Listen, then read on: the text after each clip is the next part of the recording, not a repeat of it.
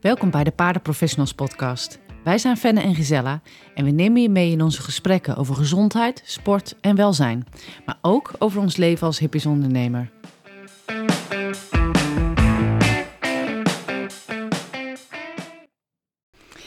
Nou Gisella, ik wil eigenlijk deze podcast beginnen met een, uh, een sprookje. Wat leuk. Ja, en het sprookje uh, heb ik gelezen in het uh, boek van Stephen Covey. Uh, de zeven eigenschappen van effectief leiderschap. Ja. En dat sprookje um, heeft veel indruk op mij gemaakt. Uh, heb ik eigenlijk altijd onthouden. En uh, ja, dus daarom wil ik eigenlijk mee beginnen. Op een dag ziet een arme boer een schitterend gouden ei liggen in het nest van zijn lievelingskip. Aanvankelijk denkt hij dat het niet echt is. Vlak voordat hij het wil weggooien, bedenkt hij zich, neemt het mee om het nader te bekijken. Het ei blijkt van zuiver goud. De boer kan het maar niet geloven. Zijn verbazing wordt nog groter wanneer hij de volgende dag dezelfde ontdekking doet. Elke dag rent hij, zodra hij wakker wordt, weer naar het nest en steeds weer vindt hij het gouden ei. Hij wordt enorm rijk en het lijkt te mooi om waar te zijn. Maar niet alleen zijn rijkdom, ook zijn hebzucht en ongeduld worden groter. Het valt hem steeds zwaarder de volgende dag af te wachten en uiteindelijk besluit hij de kip te slachten om de eieren er allemaal tegelijk uit te halen. Maar in de kip is geen gouden ei te bespeuren. En vanaf nu zal hij er ook nooit meer één aantreffen. De boer heeft de kip, die hem de gouden eieren leverde, om zeep geholpen. Nou, net zoals heel veel sprookjes is dit ook nou, het heeft niet echt een happy end. Nee. Komt een stukje vreedheid uh, in, uh, in voor. Ja. Uh, als ik nu als volwassen sprookjes teruglees, dan denk ik wel eens... oeh, het is echt niet allemaal gezellig. En dit dit geval ook zo. Ja. Maar goed, daar gaat het nu niet om. Want wij kunnen hier iets van leren. Ja. En um, nou ja, misschien wil jij eens toelichten... waarom je dit altijd onthouden hebt, dit stuk. Ik denk dat je op verschillende manieren dit sprookje kan lezen... Uh, en dat is ook het mooie. Iedereen haalt er eigenlijk uit wat hij zelf uh, wil. Uh, ik denk heel erg uh, van dat je zuinig moet zijn ook op de persoon die je bent. Jij bent de persoon die ehm, het werk doet, ehm, de diensten levert. je kan jezelf dus wel helemaal gaan overwerken en nou ja, je hoeft jezelf niet te slachten, maar de, de, niet ja, je moet zuinig zijn op jezelf, zodat je dus daadwerkelijk die gouden eieren elke keer weer kan leggen. Ja, dus die kip is eigenlijk een metafoor voor de ondernemers die we zijn. Ja. En uh, we moeten goed voor die kip zorgen, want anders ja. hebben we ook geen gouden, gouden eieren. eieren. meer. Ja. ja. Nou, en dat staat deze podcast centraal, want we gaan het hebben over keuzes, ja. de kracht van het maken van keuzes. Ja. Um, en daarbij denk ik ook wel heel wat voorbeelden aanhalen van uh, keuzes uh, waar we zelf voor hebben gestaan, hoe we die gemaakt hebben en uh, wat ons dat gebracht heeft. Ja. En keuzes is inderdaad ook weer heel breed. Hè? Dus bij, bij de voorbereiding van deze podcast zeiden we ook van ja, hebben we het nou eigenlijk over persoonlijke keuzes of hebben we het over zakelijke keuzes? Maar eigenlijk kwamen, kwamen we tot de conclusie dat dat ook wel weer enorm ja, eigenlijk hand in hand gaat. Ja. Um, dus elke keuze die je maakt, of dat nou inderdaad is voor toch zuinig zijn op jezelf als persoon, zodat je het werk goed kan uitvoeren. Uh, of keuzes maken in je bedrijfsvoering of de producten of diensten die je aanbiedt. Elke keuze maak je wel overwogen. Uh, maar het is ook heel goed om die keuzes wel te maken. Het kunnen kleine keuzes zijn. Uh, het leven is een aaneenschakeling van keuzes. Ja. Maar het kunnen ook hele grote keuzes zijn met wat grotere gevolgen. Ja. Ik ben wel van mening dat je uh, dat keuzes maken tot op zekere hoogte ook rust geeft. Hè? Tenminste, het geeft onrust om maar geen keuze te maken, zou ik het zo zeggen. Ja. Het is niet per definitie dat keuzes maken rust geeft, want soms uh, brengt een keuze ook juist wat onrust met zich mee daarna. Mm -hmm. um, mijn ervaring is wel, als je wel overwogen keuzes maakt, is dat dat altijd uh, weer mooie, naar mooie dingen leidt. Ben je goed in het maken van keuzes? Um, mm, goed zou ik niet willen zeggen. Ik heb het wel geleerd om het beter te kunnen. Als ik het heb over persoonlijke keuzes, uh, dan zijn die altijd nog wel lastig. Hè? Dus als we het hebben over privé-werkbalans, uh, vind ik het lastig om die keuzes te maken en om me daar dan ook vervolgens aan te houden. Ja. Ehm, dan helpt zo'n zo'n verhaaltje, zo'n sprookje wat ik net uh, voorlas, wel daarbij. Um, als ik het heb over zakelijke keuzes, dan doe ik dat tegenwoordig wel heel erg gegrond. Waar ik het vroeger dus wel eens gewoon op gevoel deed. Probeer ik dat nu meer op, ook op basis van cijfers te doen. Hè, van te kijken van wat uh, levert iets nou eigenlijk op. Uh, wat is er onder de streep uh, wat het daadwerkelijk oplevert. Maar als we het dan hebben over wat levert iets op, dan is het een, een hele goede tip die ik ooit een keer heb gehad. Is stel soms gewoon eventjes twee kolommen op. Waarbij je in de eerste kolom opschrijft wat kost me energie. En in de tweede kolom wat levert, wat geeft me energie. Ja. Door eigenlijk even inzichtelijk te maken van oké, datgene wat ik eigenlijk aan het doen ben in mijn dagelijkse leven. Zijn daar dingen bij die mij dusdanig veel energie kosten, dat ik eigenlijk geen energie meer heb om datgene te doen wat juist me energie geeft? Ja, ik denk dat het goed is om, om je te realiseren dat energie, maar ook tijd bijvoorbeeld, dat hebben we niet ongelimiteerd. Dus op het moment dat je een bewuste keuze maakt om met het ene te stoppen, dan komt er ook weer ruimte voor het andere. Um, als ik naar mezelf kijk, dan heb ik in het verleden er heel vaak eigenlijk onbewust voor gekozen om maar steeds meer in een dag in mijn leven te proppen. Ja. Um, en ja, het is misschien een beetje een dooddoener, maar niet kiezen is ook een keuze. Dus als je niet kiest om ergens volledig je focus op te leggen of iets eventueel te beëindigen, dan ga je dus door op de manier waarop je al bezig was. En dat is niet altijd slecht, zeker niet. Uh, als je heel bewust ervoor kiest om te zeggen van, uh, nou, dit is goed. Maar goed, dat is ook alweer een keuze. Maar als, je, als het niet lekker gaat en je maakt geen keuze, ja, dan kies je er dus eigenlijk voor om het te laten zoals het is. En dan ja, verandert er ook dan niks. Dan verandert er niks. Dus het, het, verschilt natuurlijk ook wel aan je doelen, aan, aan jou als persoon. Um, of je tevreden bent met zoals het gaat. Ja. Of dat je zegt van, hé, hey, ik wil verder komen. Ja, dan, dan moet je keuzes maken. Ja, want jij noemde net uh, dat, uh, dat lijstje wat je dan op kunt stellen van wat geeft me energie, wat kost me energie.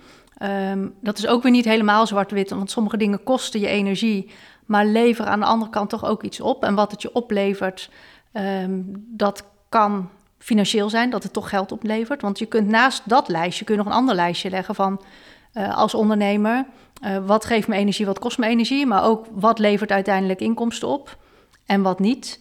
Uh, maar ik hoorde ook bijvoorbeeld een keer een lijstje van wat is goed voor de wereld, wat is goed voor de mensen om me heen of mijn klanten en wat is goed voor mezelf of ja. voor mij als bedrijf. Dus zo kun je verschillende lijstjes maken, maar op basis van die lijstjes kun je iets meer een gefundeerde keuze maken. Dus dat is het, ja, misschien het rationele aspect, maar uh, wat jij eerder al noemde, uh, eerder maakt hij misschien veel vaker keuzes op je gevoel. Ik denk dat dat ook nog steeds wel mag tellen. Zeker. Dus het is altijd een combinatie of altijd. Uh, je kunt je keuzes baseren op een combinatie van een heel aantal ja. factoren.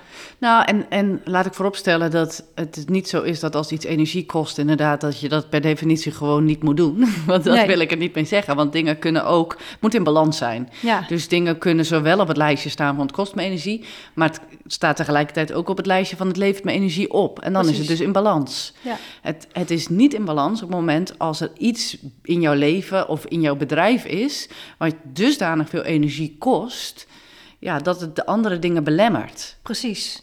En, en het is ook heel erg, uh, soms is het simpel, als iets en energie kost en geen geld oplevert of zelfs geld kost, dan is het binnen een onderneming is er weinig reden normaal gesproken. Dan is die keuze eigenlijk makkelijk gemaakt. Precies, maar toch is het gekke dat, nou ja, als ik voor mezelf spreek, dat als je daar niet heel bewust naar kijkt, dat je soms uh, dingen blijft doen die je eigenlijk niks brengen. Nee, dat, dat klopt. En ik denk dat dat ook uh, juist heel belangrijk is om dat dus inzichtelijk te krijgen. Ook in de paardensector hebben we het in andere podcasts ook wel over gehad. Is dat er toch veel mensen een of te laag tarief rekenen of een te lage maandbedrag voor stalling of training. Um, terwijl als we daar nou daadwerkelijk dat inzichtelijk gaan maken, dan uh, kom je eigenlijk wel tot de conclusie dat je een keuze moet gaan maken. Ja. Want degene die de, de, de sjaak is, om het maar zo te zeggen, dat ben jij zelf. ja. Het is hetzelfde wat je net zei van door maar steeds meer in een dag te stoppen. Ja, een dag heeft maar zoveel uur. Ehm, ik ben opgevoed en op, op zich ook nog steeds wel van mening dat je van hard werken niet per se omvalt. Eh, ik werk graag hard, Eh, dat, dat vind ik fijn. Ehm, maar het, het, het wordt een probleem op het moment als het heel veel energie kost, datgene wat je doet. Of dat het heel veel negativiteit met zich meebrengt. Nou ja, jij bent wel die kip, zeg maar. Om Ja. weer even terug te komen op dat sprookje. En als je niet goed voor de kip zorgt, dan gaat hij ook geen eieren meer leggen. Dus datgene wat jij brengt in je onderneming naar je klanten, kun je alleen brengen op het moment dat je ook goed voor jezelf zorgt. En dat betekent ook dat je ehm, bewust zal moeten kiezen af en toe voor waar laat ik van op. Ehm, tijd moet maken voor nieuwe ideeën. Of tijd moet maken om eens alles op een rijtje te zetten van hoe loopt het nou binnen mijn onderneming? Hoe ervaar ik dat als mens? Hoe ervaar ik dat als ondernemer? Ehm, als ik naar mezelf kijk, ik, ik had altijd het gevoel dat ik niet goed was in keuzes maken. En dat is voor een deel nog steeds waar. Als ik in een restaurant zit en ik heb een menukaart voor me, dan kan ik niet kiezen. In de eerste plaats omdat ik alles lekker vind. Ehm, in de tweede plaats ook een beetje bang om een foute keuze te maken. Want misschien was dat andere gerecht toch nog iets beter. Ehm, dus dat ik kan maak je oplossen door gewoon een paar keer erheen te gaan. dat ook. Of met de hele familie allemaal verschillende dingen te nemen... om iedereen wat te proeven. Eh, maar goed, dat is een ander verhaal. Ik kies op het moment dat de ober naast me staat. Want ja, dan moet het. En in je bedrijf kun je ook dat soort momenten creëren. Eh, je kunt heel hard blijven werken en doorrennen. Nou, jij houdt, houdt van hard werken. Ik ben er ook niet vies van. Dan heb je heel snel de neiging om gewoon maar iedere dag eh, te doen wat nodig is. eh, ja, om op dat moment diensten te leveren eh, die je levert als bedrijf. En dat wil je graag heel goed doen. Maar eh, we hebben inmiddels ook wel ervaren, we zijn vorig jaar een paar dagen samen weg geweest. Dat was eh, onze eerste business retreat. Ja. En eh, toen hoefden we even niet in ons bedrijf te werken, maar we hebben wel heel veel interessante gesprekken gehad. Eigenlijk zoals we dat nu hebben, maar dan zonder microfoon. Ehm, en wat ik toen merkte, was dat die afstand die we allebei hadden van ons bedrijf en de gesprekken die we samen voerden, die hebben ons allebei echt verder geholpen. Ja. Ehm, dus ook nu zijn we weer bezig om een datum te prikken. Eh, dat is soms lastig, maar ik heb wel ervaren hoe belangrijk het is om de keuze te maken, om tijd te maken Ja. voor dat soort dingen. Ehm, en dan kun je ook weer betere keuzes maken, want dan heb je door die afstand te nemen en alles goed de revue te passeren, samen daar, het daarover te hebben, eh, weet je op een gegeven moment veel beter van, oké, ik moet een keuze gaan maken en dat zal die keuze zijn. Dus Ja. je moet er even bij stilstaan. Nou, dat zijn voor mij ook een soort van die momentjes, als dat de ober naast me staat, je denkt er even over na en op een gegeven moment moet er een moment komen dat je zegt, ja, ik, ik moet daar een keuze in gaan maken. Ja. Dus ik denk dat dat voor iedere ondernemer belangrijk is om niet alleen maar te blijven rennen, maar ook bewust te gaan kijken van hoe gaat het nou eigenlijk Ja. en wat wil ik? Wat is de belangrijkste keuze die jij hebt gemaakt binnen je bedrijf? Ehm, nou, het eerste wat in me opkomt is... ehm, ik ben natuurlijk begonnen als dierfysiotherapeut. En ehm, dat deed ik met, met heel veel liefde en plezier. En nog steeds overigens. Eh, de naam van mijn bedrijf was toen ook paardenfysiotherapeut.nl. Nou, dat was precies wat ik deed. Ik heb keihard gewerkt om dat op te bouwen. Ehm, heel veel gewerkt eh, op allerlei tijdstippen, ook in de avond, ook in het weekend, noem maar op. Want ik wilde een bedrijf opbouwen. Enorm mijn best gedaan voor al mijn klanten. Vind ik nog steeds belangrijk, eh, dus daar is niks aan veranderd. Maar op een gegeven moment ben ik daar ook eh, cursussen en opleidingen bij gaan aanbieden. Dat was eh, vanaf eh, 2009 en ben ik dat gaan combineren. En ik geloof heel erg in de, de kracht van die combinatie. Eh, al de ervaringen uit de praktijk in combinatie met de kennis die we overbrengen, maar de kennis die ik ook nog steeds, ehm, mijn eigen kennis die ik vergroot door de verschillende eh, gastdocenten die we hebben. Maar er kwam dus steeds meer bij.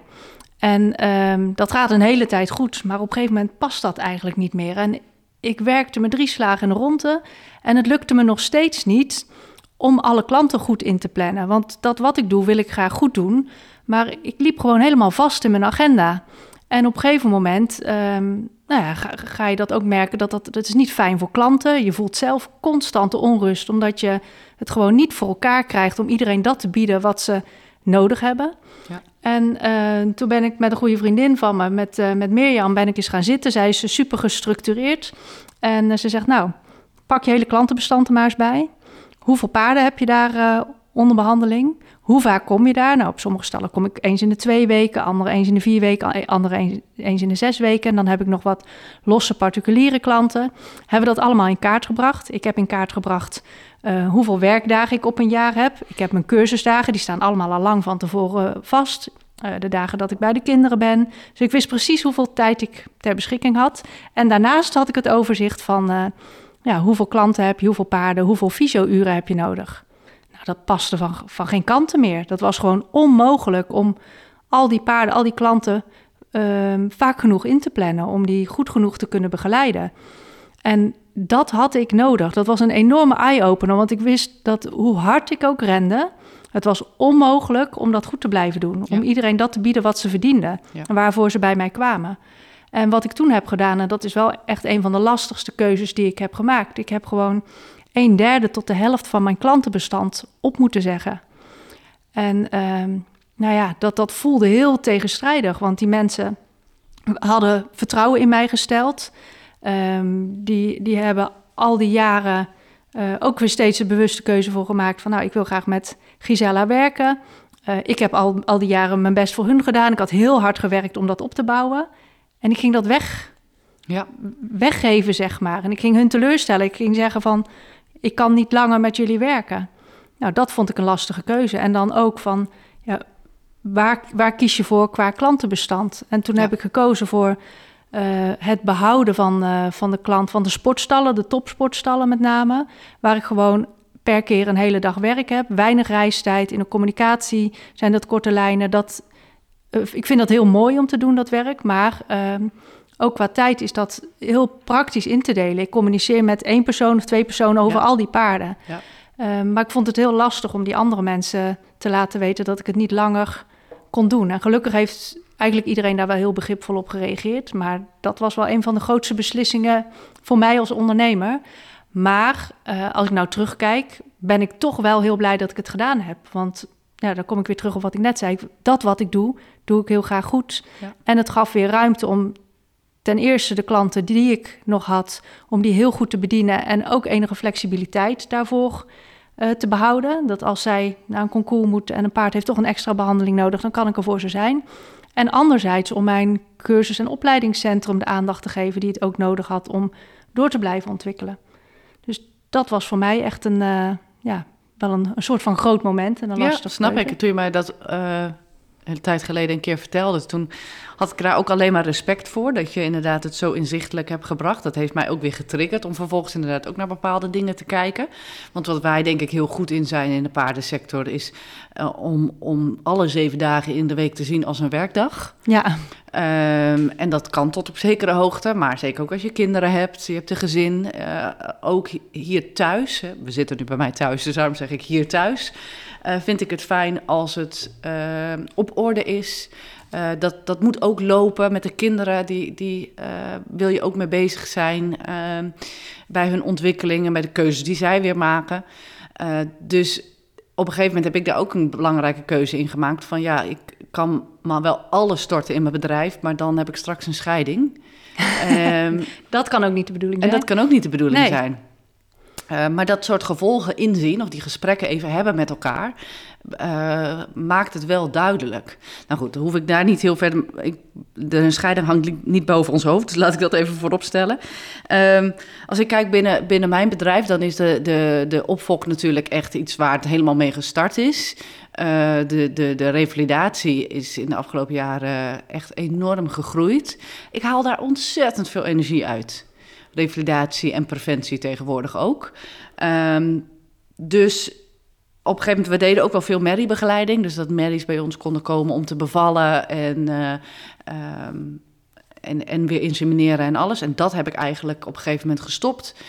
A, omdat het, um, ja, die bevallingen s'nachts, nou, dat is niet niks. Nee. Uh, dat, dat vraagt veel van je. Uh, je zit soms gewoon een halve nacht uh, erbij.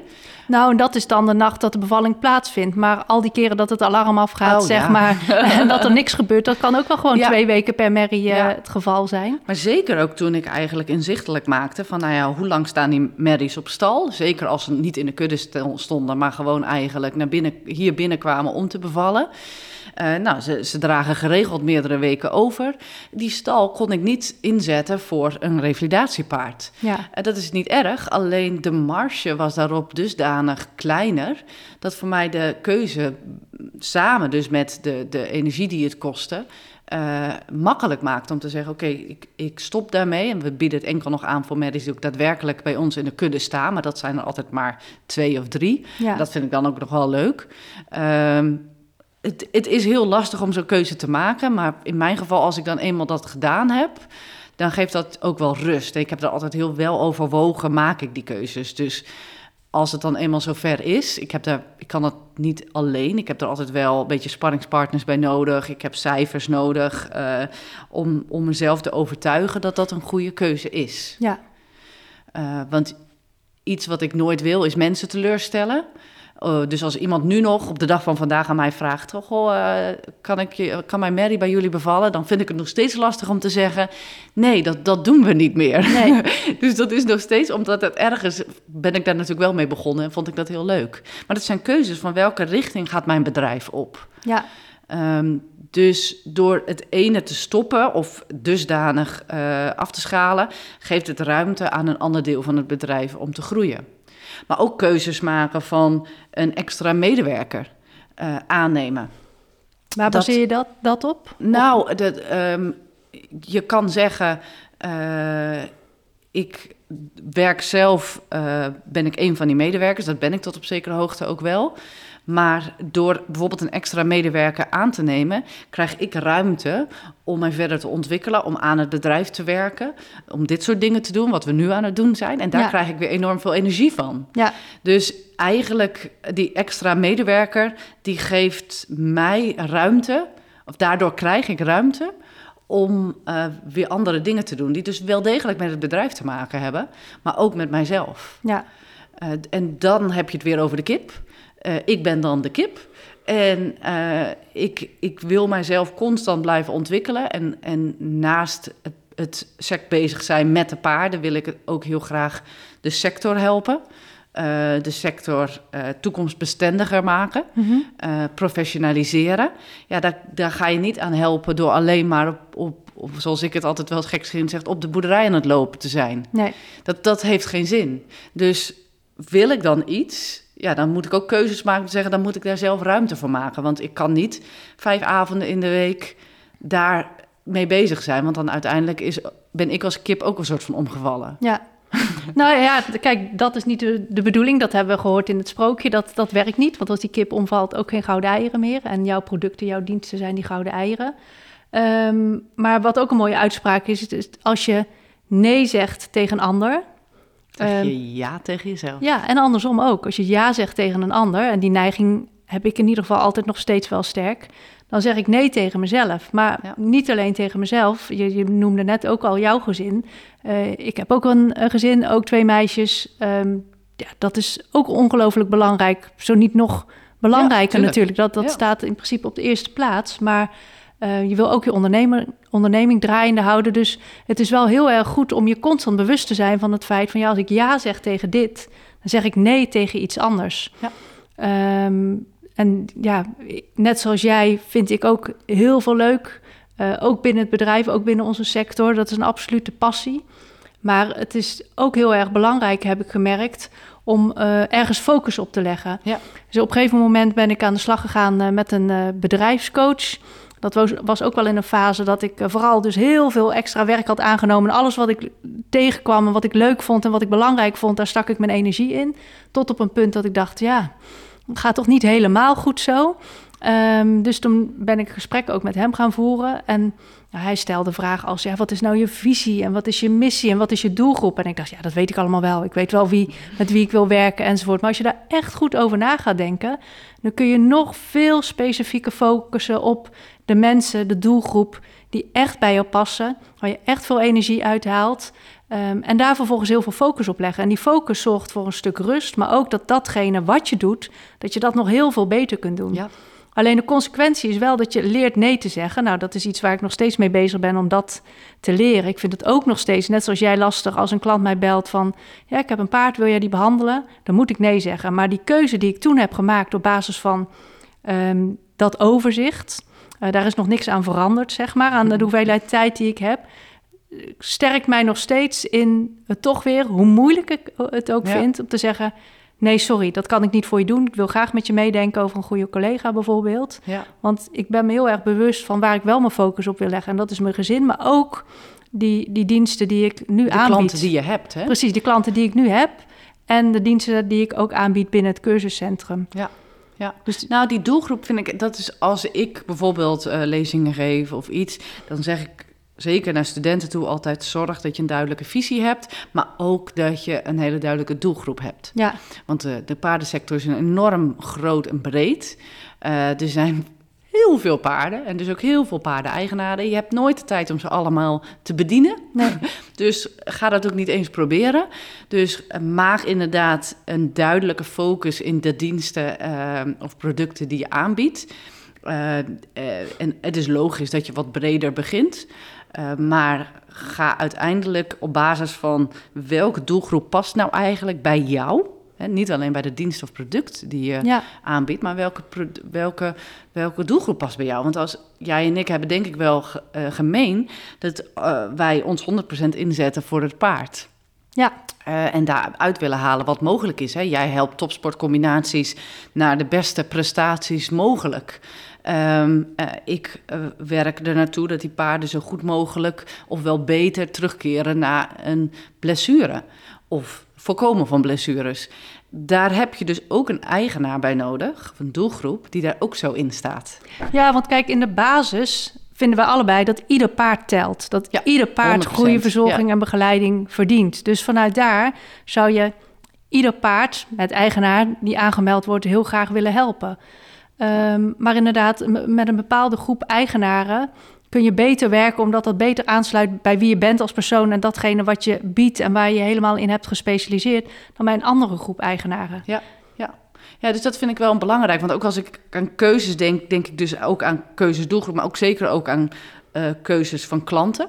Ja, Hè, dus ik, ik vind dat je, eh, dat heb jij ook, maar bijvoorbeeld ook bij mijn opvolgklanten, ja, daar heb je toch wel eh, een, een langduriger contact mee. Dus echt niet dat ik elke week ze bel, ja. maar ik zorg wel meerdere jaren voor hun paard. Dan is het heel belangrijk eh, dat je op één lijn zit.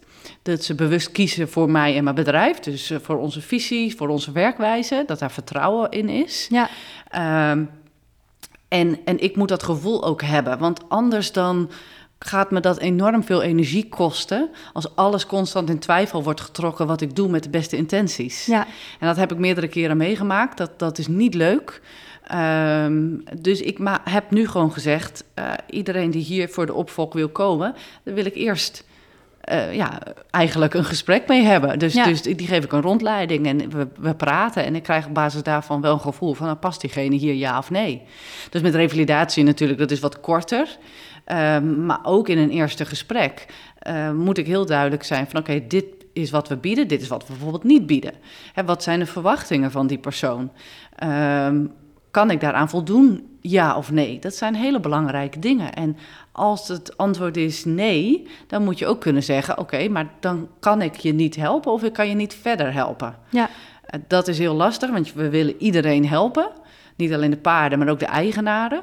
Eh, zeker met revalidatie is het ook vaak een emotioneel proces. Dus ik wil ook die mensen heel graag helpen. Maar soms kan dat niet of gaat dat niet. En dan moet ik dus ook zeggen: sorry, het lukt niet, maar ik verwijs je graag door naar die of die. ja. Dus ehm, dat zijn allemaal wel keuzes die ten goede komen voor jou als persoon, voor het bedrijf. Nou, wij hebben een team van, van zes meiden nu, dus het komt ook ten goede van het welzijn van de meiden die hier werken. ja. Dus ik vind hun mening ook heel belangrijk. Er zijn best wel eh, zaken waarvan ik, die ik bespreek met die meiden. Dat ik zeg van oké, eh, eh, we krijgen nu steeds vaker dit of dit soort paarden binnen. Is dit iets wat we leuk vinden? Is dit iets waar we energie van krijgen of juist niet? Dat, dat is iets om, om als team te bespreken. Dus ook daarin maak je dus keuzes niet alleen zelf, maar samen met je team. Ja, ja, want inderdaad, als je een heel team hebt, dan gaat het er niet alleen om waar jij als eigenaar van het bedrijf energie uithaalt, maar ook je team. Eh, en wat het mooie is, is dat ieder zich ook in een bepaalde richting kan ontwikkelen. Ja. En op basis daarvan eh, kun je ook keuzes maken met betrekking tot de diensten of de producten die je aanbiedt. Ja, ja. Maar wat jij net noemde, dat, dat herken ik wel. Want ehm, als het gaat om ja, met welke klanten ga je werken, dan kiezen wij bijvoorbeeld bij de massageopleiding er ook voor eh, om een selectieprocedure vooraf te doen. Ja. En dat, dat klinkt misschien een beetje zwaar, eh, maar uiteindelijk gaat het erom dat we een cursusjaar ingaan met mensen die eh, de opleiding gaan volgen met doelen en verwachtingen die aansluiten bij wat wij bieden. En we werken heel graag met hele gemotiveerde mensen, maar ik vind het heel belangrijk dat ze weten wat de opleiding inhoudt. Ook wat wij van ze verwachten, hoeveel ze moeten studeren en oefenen. Nou, en dat is best behoorlijk veel. Ja. Dus daar probeer ik ook heel eerlijk over te zijn, zodat ze precies weten eh, wat wij te bieden hebben, wat, wat onze doelen en verwachtingen zijn. Ik hoor ook heel graag van hun, van wat wil jij nou hier uithalen? Eh, wat wil je er daarna mee? Overigens is het absoluut niet zo dat we alleen maar mensen aannemen die een hele massagepraktijk willen opzetten. Nee. Ehm, iedereen die iets goeds wil doen voor paarden is wat dat betreft welkom. Alleen het moet wel bij elkaar aansluiten. En ik heb gemerkt dat sinds we dat doen, dat niet alleen ik zelf, maar ook de trainers die betrokken zijn bij de opleiding, ja, die kunnen dan ook veel fijner werken met de meeste cursisten omdat we met z'n allen weten waar we aan beginnen. Ja. We, we hebben dezelfde verwachtingen. We willen hetzelfde pad bewandelen, zeg Ja. maar. En ja, dat werkt gewoon heel fijn. Dan natuurlijk ehm, werken, eh, leren, begeleiden, dat kost altijd energie. Maar het is wel heel veel positieve energie. Precies, precies. Ja, en dat is natuurlijk ook afhankelijk van als je een dienst zoals wij aanbiedt, dan ben je heel intensief met de mensen ook bezig. Ja, Als jij een eh, zadeldekjes verkoopt of je hebt een product ontwikkeld dat verkocht wordt, dan heb je natuurlijk helemaal niet die band nodig met mensen. Nee. En dan ga je keuzes maken op basis van prijs, kwaliteit, eh et cetera. En dan kies je waarschijnlijk voor daar waar gewoon pertinent de meeste marge op zit. ja, Maar voor ons gaat het natuurlijk om marge. Hè, van we moeten gewoon eh, daar een, een boterham mee kunnen verdienen. Maar precies dat wat je zegt, je moet ook energie krijgen van datgene wat je doet. Ja, want kijk, je kunt eh, als bedrijf kun je ook soms wat nevenactiviteiten ontwikkelen of een bepaald. Ik zou er ook voor kunnen kiezen om bepaalde producten erbij te gaan verkopen. Nou, ik doe dat, doe dat nu niet of nog niet, maar dat komt ook wel omdat ik heel zuiver probeer te houden dat ik alleen iets aanbied, of dat nou een oh, dienst is of een product, eens, Helemaal eens. waar ja. ik 100% achter kan staan. Dus Ja. dan is er weer dat lijstje van, ehm, nou ja, krijg je er energie van, maar brengt het je ook ehm, wat je hoopt, zeg maar, kun je Ja. er helemaal achter staan, Ja. brengt het geld op. Nou, als iets alleen geld opbrengt, maar ik kan er niet 100 of eigenlijk liever 200% achter staan, dan ga ik dat niet verkopen. Nee. Ehm, dus ja, wat dat betreft eh, is en er nu nog... niet dat mensen dat denken, bijvoorbeeld. Hè? Nee, Dus, precies. eh, dus daar ben ik inderdaad ook altijd wel heel zuiver in. Ja. Ja. Maar het laatste waar ik aan denk, en dat is misschien een mooi linkje nog naar de doelgroep van deze podcast, zijn toch wel eh, sportruiters. En als ik kijk naar topsporters, nou, dat kunnen ook zeker ruiters zijn, maar eh, ook schaatsers, turnsters, wie dan ook. Ehm, die maken ook hele duidelijke keuzes. Ja. Keuzes die ervoor zorgen dat zij zo goed mogelijk presteren. Ehm, zij zijn, kan egoïstisch genoemd worden, maar ze hebben een heel duidelijk doel. Ja. En door een duidelijk doel te hebben, eh, kan je ook makkelijker keuzes maken. Ja. Want je keuzes die leg je gewoon naast je doel. En dan ga je kijken van oké, heeft deze keuze, is dat positief voor het bereiken van mijn doel of is dat negatief voor het bereiken van mijn doel? Topsporters zijn daar heel goed in, omdat die vaak heel erg gefocust zijn op bijvoorbeeld de Olympische Spelen. En daar moet alles bijna voor wijken. Ja. Ehm, en daar is ieder persoon ook weer anders in. Hè. Er was, eh, eh, een, wat ik laatst las, een Juda Leerdam. Die heeft een heleboel dingen nog naast haar topsportcarrière. Want die zegt, ja, maar daar krijg ik energie van. Terwijl een, een andere topsporter of een schaatster...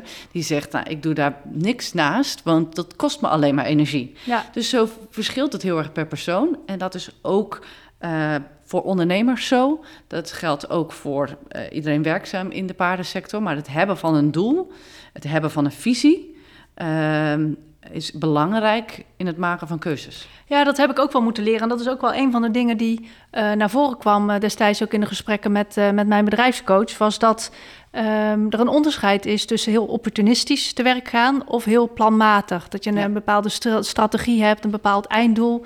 Dan vind ik het altijd heel lastig om echt te ver vooruit te kijken. Want ehm, er verandert ook iedere Ja. dag iets. Uh, maar dat heeft me wel heel erg bewust gemaakt. Want ik was denk ik best wel opportunistisch. Als er iets of iemand voorbij kwam waarvan ik dacht, nou, dit past echt heel goed en die krijg ik heel veel energie van en dit past bij mijn missie van wat ik wil in de, in de paardensport of in deze branche, dan ging ik daar iets mee doen. Ja.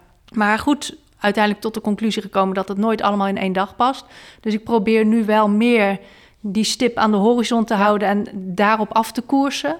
Ondertussen uh, sluit ik toch niet mijn ogen voor uh, mooie mogelijkheden. Ik ben jou tegengekomen. Dat paste niet in mijn tienjarenplan. Ja. Maar ik heb een beetje roet in het eten gegooid. Nee, helemaal niet. Maar ik vind het dan, dit soort samenwerkingen, dat geeft weer heel, e-, heel veel energie. En we eh, vinden elkaar ook echt als ondernemers. Dus wat dat betreft is dat alleen maar goed. En heb ik ook wel heel bewust gekozen voor, nou ja, Ja. de leuke gesprekken die we hebben, de samenwerking, alles wat we samen doen. Ehm, dus dat is denk ik voor iedereen ook wel een tip. Van aan één kant hou die stip op de horizon, koers ergens op af, maak een plan. Want op basis daarvan kun je makkelijker keuzes maken, kun je makkelijker focussen. Maar sluit ondertussen niet je ogen voor die dingen die je die onderweg tegenkomt, misschien niet verwacht had, maar die je toch ook echt iets kunnen brengen. Ja, en sommige keuzes blijken achteraf misschien niet de beste keuze geweest te zijn. Nee, kan. Maar dat is ook niet erg, tenzij in het verhaaltje het dus... eh, maar goed, dan gaat het ook echt om hebzucht en Ja, alles. eh. Toch het verkeerde gerecht gekozen. Maar ja, ja, dat is ook jammer. ja. Ehm, we zitten alweer aan het einde van de, de tijd Ja. voor de podcast. Maar ik denk wel een, eh, een, een, een heel mooi onderwerp. Ja. En eh, nou, op naar de volgende. Ja, nou ja, wees er in ieder geval bewust van dat alles wat je doet, van de kleding die je 's morgens aantrekt tot de. Allemaal keuzes. wat je, ja, het zijn constant keuzes. En als je daar wat bewuster over nadenkt, dan kan dat je heel veel brengen. Ja. Dus, eh, ja. Leuk. Tot de volgende keer. Dag. Bedankt voor het luisteren naar onze podcast. Je kan ons volgen op Instagram en Facebook onder Fenna en Gisella. Je kan ook natuurlijk onze bedrijven volgen. Lelimare Horses en Bartels Horse Health Instituut. Tot de volgende keer.